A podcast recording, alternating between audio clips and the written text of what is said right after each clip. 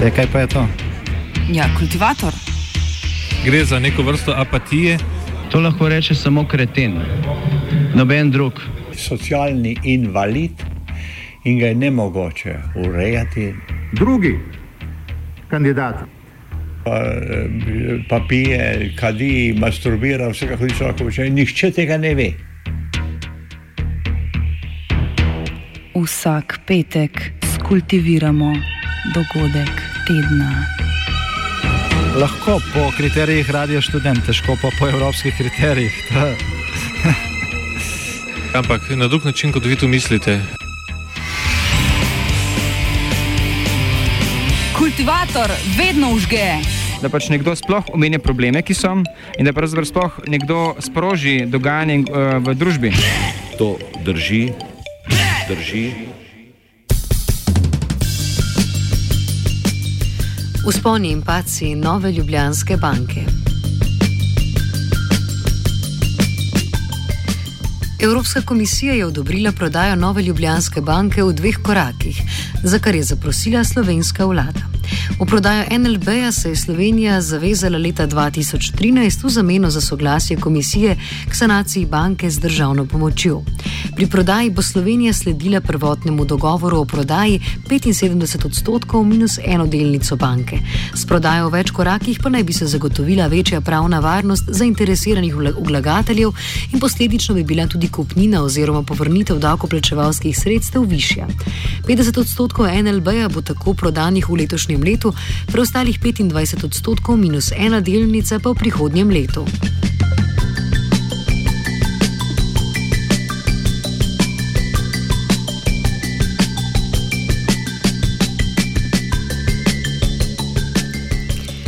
Leta 2013 so slovenske banke pod taktirko evropskih institucij izvedle stresne teste, ki so v drugi ediciji konec leta pokazali, da imajo banke 4,8 milijardni kapitalski primankljaj.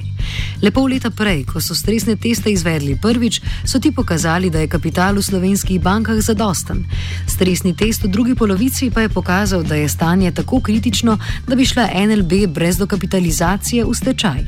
Posledično je država odobrila izbris podrejenih obveznic banke, ki je obsegal 258 milijonov evrov in dokapitalizacijo banke strani države v višini 1 milijarde in pol ter prodajo dela problematičnih terjatev na družbo za upravljanje terjatev banko oziroma tako imenovano slabo banko. Po vseh teh transakcijah je imela NLB 1,27 milijarde evrov kapitala, kar je ustrezalo zadostni kapitalski ustreznosti.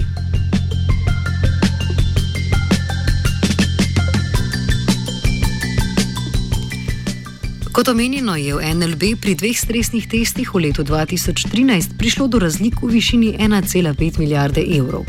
Iz kje izvirajo razlike in o realnosti predpostavk, na katerih so temeljili stresni testi, spregovori Matej Šimic, član Alte Investments. Zdaj, um, ko enkrat pride do reševanja bančnega sektorja v tem obsegu, kot je v Sloveniji, uh, se jasno scenariji posebno spremenijo. Uh, vemo, da takrat, da so bile v težavah uh, največje tri banke. Uh, poleg teh uh, manjših, uh, kar je praktično večina bančnega sistema in upad že samo ene od teh bank bi lahko sprožil domino efekt, tako da scenarij v primeru nereševanja največjih bank bi bil uh, mnogo hujši verjetno kot, kot uh, vsi, uh, pač katerikoli scenarij takrat uh, oziroma javne debate so takrat uh, predvidevale. Kaj so razlogi, ki so pripeljali do slabih rezultatov slovenskih bank na stresnih testih? Med drugim nove Ljubljanske banke, pove Matej Šimic. Uh, eno so jasno, uh, je, je, uh, so scenariji oziroma uporabljene predpostavke, druga zadeva je pa, je pa samo preteklo obnašanje slovenskih bank. Um, to se pravi, pretirano kreditiranje, nezarovano izdajanje kreditov um, in pa s tem visok delež uh, uh, uh, slabih terjatov. Uh, v določeni meri so se razmere res izboljšale, ampak uh, še enkrat, vkolikor bi ena od, uh, samo ena od bank pač pristala v, v, v stečaju, uh, bi se situacija uh, tudi tistih bank na, na meji in pa tudi ne na zadnje tudi uh, tujih bank v Sloveniji bistveno bolj uh, zaostrilo, ker bančni sistem mora delovati kot celota in vkolikor ima težavo veči, večinski delež bančnega trga, potem za sabo potegne pač tako podjetja kot, kot jasno vse ostale banke. V javnosti se je pojavilo prepričanje, da je cenitev, ki je bila postavljena s stresnimi testi, preveč pesimistična in bi NLB-ju tako pridelala škodo. Predpostavke stresnih testov so res predvidevale, da se bo gospodarstvo v treh letih od 2013 naprej skrčilo za 4 odstotke. V realnosti pa smo zabeležili rast. Ekonomist Bine Kordež opozarja, da so bile takrat vzete predpostavke leta 2013 splošno sprejete in da je k izboljšanju gospodarstva gotovo pripomoglo tudi samo reševanje bank. Ekonomist Bine Kordež pa opozarja, da v primeru, da so stresni testi res temeljili na preveč pesimističnih predpostavkah, banke svoje terjatve še vedno prodajajo po preniskih cenah. Moje stališče je pač potem to skozi se bojim, nažalost, da je bila unata druga cenitev, čeprav je bila mogoče na sporen način narejena, kar zelo točna, ali, ali pa kasneje vsi upravljalci tu premoženja prodajajo in ocenjujejo prenisko, da je bilo prej recimo 7 milijard pa pol vrednost naložb na LBA, potem je nova cenitev prišla, da je to vredno samo 6 milijard, ne, in to je zdaj sporno, kako da je bilo kar naenkrat milijardo, pa potem ni vredno, ampak problem pa je, da se pa potem te terjatve več ali manj prodajajo za 6 milijard, ali pa še več, če pa se niso prodale, so pa še vedno v knjigah vrednotene 6 milijard. Osnovno vprašanje je potem, ne, če je že banka Slovenije takrat uh, na napačen način uh, in njeni izvajalci izračunala uh, vrednost bančnega portfelja, potem na nek način delajo napako tudi vsi kasnejši ocenjevalci in revizori. Predvsem pa to, da se terjatve prodajajo po teh nižjih cenah, če so bile to res preniske cene. To je za moj, po mojem mnenju, bolj problematično. To, kar ste me zdaj vprašali, ali so ga zdaj prepocen prodajali. Jaz tega ne morem trditi, jaz tega ne vem, težko ocenjujem, da je to. Ampak trdim pa tisto, da vse tisti, ki pa trdijo, da je bila pa takrat cena napačna in preslaba, pa dejansko trdijo, da današnji upravljalci prodajajo to premoženje daleč pred ceno. NLB ima zaradi boljšega dejanskega gospodarskega okolja, kot so ga predvidevali stresni testi, danes približno 300 milijonov več kapitala, kot bi bilo to potrebno. Zato Kordež poziva naj država ta odvečni kapital iz banke pred prodajo počrpa. Recimo eh, za NLB je ta inštitut, oziroma ta, ta to rečem, ERP ali nekaj podobnega. Uh, za NLB predvidela 12,5 odstotni kapitalski količnik, uh, imamo ga pa, uh, mislim, da 17, kar pomeni, da približno 300 milijonov ima banka trenutno več kapitala, kot bi bilo potrebno. Uh, po, tisti, po tisti pričakovanju strani centralne banke. Ampak Rekel, to ni noben poseben problem, če ima pač banka preveč kapitala in če smo čisto pragmatični, če ocenjujemo, da pač ga pač izplača država, bila to knjižila kot uh, proračunski prihodek in tako rekel, podjetniško bi bila stvar mm, zelo lepa in to bi jaz vsake socialne naredila, preden bi v banko prodal. Od tega nikoli ne bomo znali naučiti pri prodaji, recimo ne, teh 300 milijonov.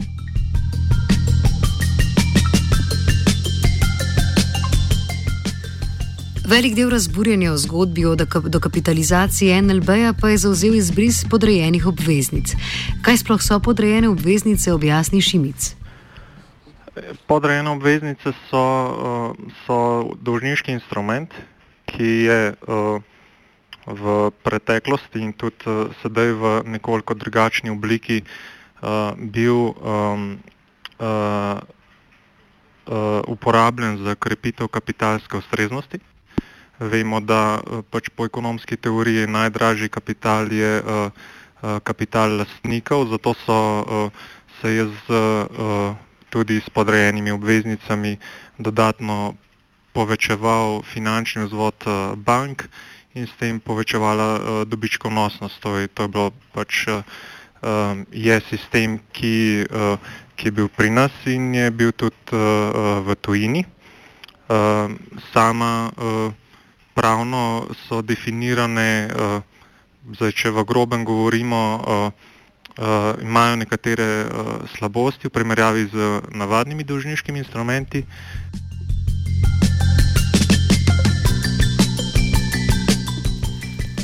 Pri dokapitalizaciji NLB-ja je prišlo do izbrisa podrejenih obveznic, kar naj bi se sicer zgodilo le v primeru, ko gre banka v stečaj oziroma potem, ko se izbriše celoten delež lasniškega kapitala, torej delnice.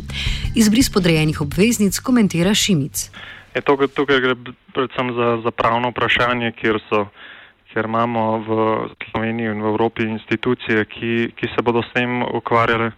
Uh, vemo, da je bil samo del teh uh, podrejenih obveznosti izdan uh, z poslovenski zakonodaji in da je uh, določen del uh, po angliškem pravnem sistemu, ker uh, bi bilo lahko pač tolmačenje drugačno oziroma uh, imajo lahko vlagatelji še vedno upanje, da, da, da pridejo do teh sredstev. Um, je pa uh, je pa v takih uh, sistemskih uh, težavah, do katerih je prišlo, uh, so verjetno smo in v preteklosti in tudi sedaj videli, da, da prihaja do določenih posegov v, v uh, normalne ekonomske prakse. Uh, to je bilo po skladu z, tudi z nenormalnimi uh, razmerami oziroma zaostrenimi uh, razmerami v bančnem sektorju.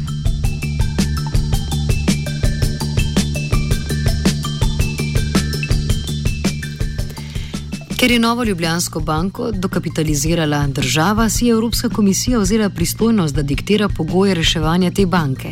Zaradi zahtev Evropske komisije banko zdaj tudi prodajamo, čeprav tržne razmere za prodajo niso najugodnejše.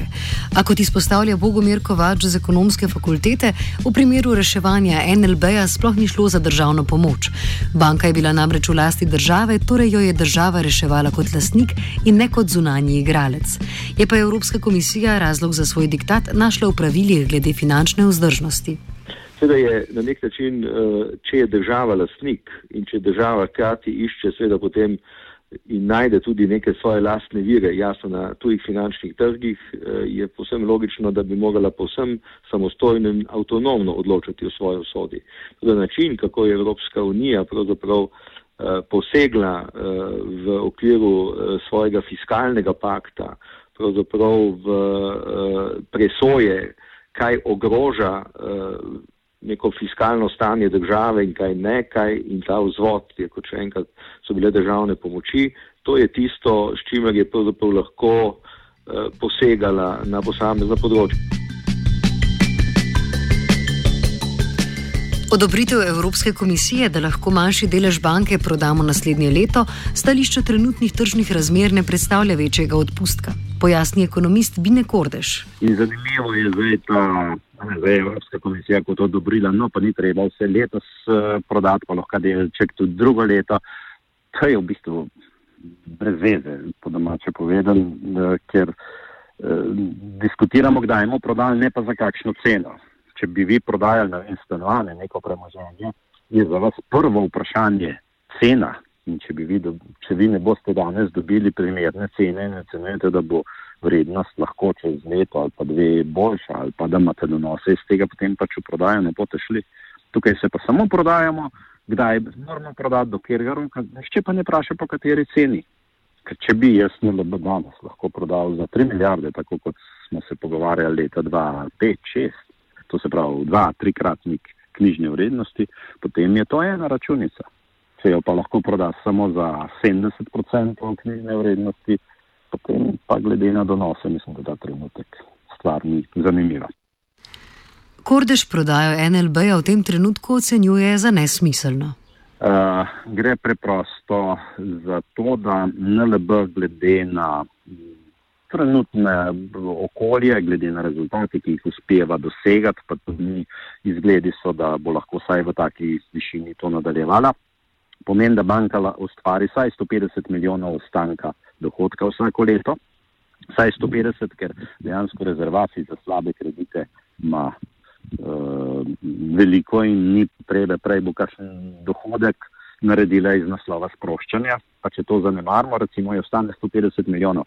In da ti potem prodaš neko premoženje, ki ti nosi 150 milijonov za, za vsega skupaj milijardo, ker več pa verjetno ne bomo dobili glede na razmere na svetovnih finančnih trgih, je pa preprosto škoda, da to prodaja dejansko teh 100 milijonov zargle zopet tujcem in potem se bomo zopet čez dve leti sprašvali, kako pa nam lasnik, tako kot NKBM-a, izkazuje 500 milijonov dobička. Seveda, tudi te lasniki bodo z tega naslova eh, delali lepe donose, bistveno lepše kot pa ki jih bo Slovenija eh, z denarjem, ki ga bo pač ki ga bo dobila kot kupnino in pač vrnila bankam en delček svojega dolga. NLB torej letno ustvari med 100 in 150 milijonov evrov dobička. Po drugi strani bi država s poplačilom dela dolga iz kupnine od prodaje NLB zaradi nižjih obresti pridobila približno 20 milijonov evrov letno. Kordež te številke postavi v kontekst. Recimo Slovenija, če dobi zdaj milijardo, bo vrnila kredit milijardo in na, me, na leto plačala 20 milijonov manj obresti. Če pa tega ne proda, bo pa lahko izplačala, bo pa lahko banka izplačala 100 milijonov ali pa 150 milijonov dividend, kar pomeni vsaj 100 milijonov čistega proračuns, čiste proračunske razlike vsako leto. To je samo za primerjavo, to je 5% pokojnin za vse upokojence vsak mesec, vsako leto. Gre za take dimenzije. Kultivirala je Rina.